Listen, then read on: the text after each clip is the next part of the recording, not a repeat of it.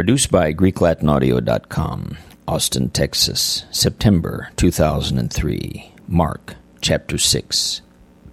Et egressus inde, abiit in patriam suam, et secebantur illum discipuli sui, et facto sabbato sepit in synagoga docere, et multi audientes admirabantur in doctrina ejus, dicentis, unde icec omnia, et que est sapientia que data est ili, et virtutes tales que per manus ecus efficiuntur.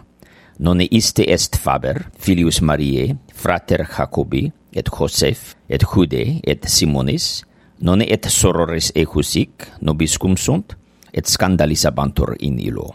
Et dicebat eis Jesus quia non est profeta sine honore, nisi in patria sua, et in cognatione sua, et in domo sua et non poterat ibi virtutem ulam facere, nisi paucos infermos impositis manibus curavit, et mirabatur propter incredulitate milorum. Et circumibat castella in circitu docens, et convocavit duodecim, et sepit eius miteribinos, et dabat illis potestatim spirituum in mundorum, et precepit eis necid tolerint in via, nisi virgam tantum, non peram, non panem, neci in zona ais. Sed calciato sandaliis, et ne induarentur dua bustunisis. Et dicebat eis, quocumque introieritis in domum, ilic manete donec exiatis inde. Et cicumque non receperint vos, nec audierint vos, Exiuntes inde, excutite pulverem de pedibus vestris in testimonium illis.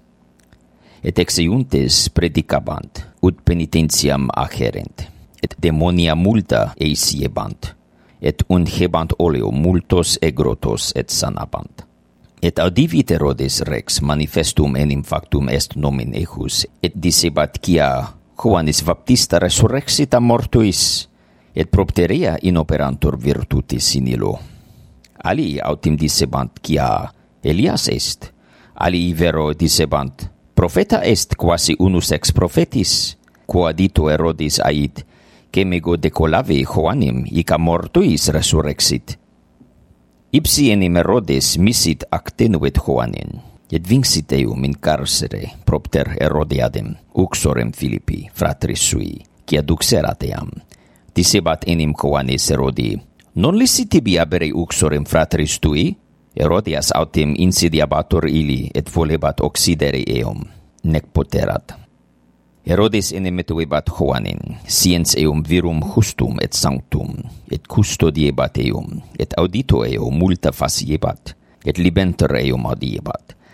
Et cum dies opportunus accidisset, Erodes natali suo senam fecit principibus et tribunis et primis Galileae cumque intruisit filia ipsius Herodiadis et saltasit et placisit Herodi simulque recumbentibus rex ait puele.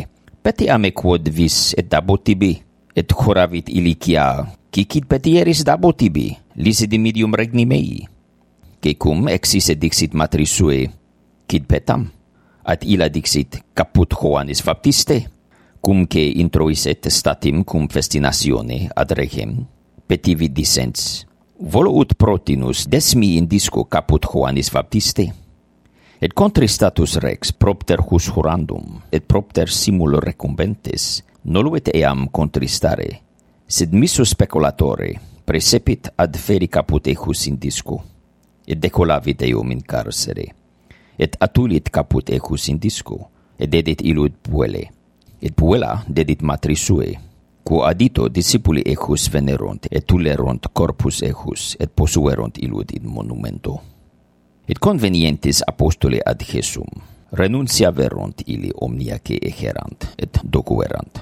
Et ait illis venite seor in desertum locum et requiescite pusillum erant enim qui veniebant et rediebant multi et nec manducandis passium habebant et ascendentis in navi abierunt in desertum locum seorsum. Et viderunt eos abeiuntis, et cognoverunt multi, et pedestris de omnibus civitatibus concurrerunt iluc, et prevenerunt eos. Et exiens vidit multam turbam Jesus, et misertus est super eos, quia erant sicut oves non abentis pastorem. Et sepet docere ilus multa. Et cum iam ora multa fierit, accesserunt discipuli ecus dissentis, Desertus est locus hic, et iam ora preterivit. Dimite illus ut euntis in proximas villas id vicos, emant sibi sibos, quos mandusent. Et respondens ait illis, dati eis vos manducare. Et dixerunt ei, euntis emamus dinariis ducentis panis, et dabimus eis manducare. Et dicit eis, quod panis abetis? Iti, et videte. Et cum cognovisent dicunt, cinque et duos pisces. Et precepit illis ut accumberi facerint omnis secundum contubernia super viri defenum. Et discumbuerunt in partis per centinos et per quinquagenos. Et acceptis cinque panibus et duobos piscibus. Intuens in celum, benedixit et frecit panis et dedi discipulis suis, ut ponerent anti eos et duo spicis divisit omnibus. Et manducaverunt omnis et saturati sunt, et sustulerunt reliquias fragmentorum, duodecim cofinus plenus, et dipisibus. erant autem qui manducaverunt, cinque milia verorum.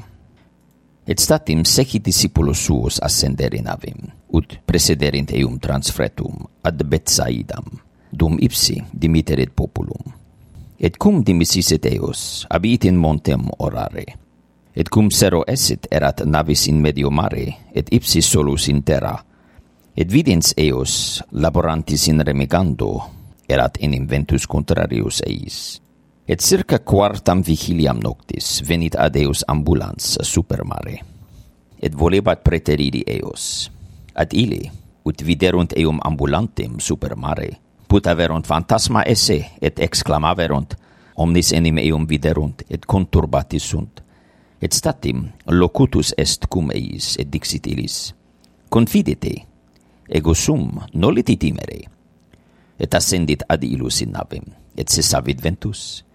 Et plus macis intra se stupebant, non enim intellexerant de panibus, erat enim cor illorum obsecatum. Et cum transfretasent, pervenerunt interam Genesaret, et adplicuerunt. Cumque egressi essent de navi, continuo cognoverunt eum, et percorrentes universam regionem ilam, seperunt in gravatis eos, qui se male abebant circumferi, ubi audiebant eum esse. Et quocumque introibat in vicus vel in villas, aut in civitatis, in plateis ponebant infermos et deprecabantur eum, ut vel fimbriam vestimenti ejus tancerent et quodquod tantebant eum salvi fiebant.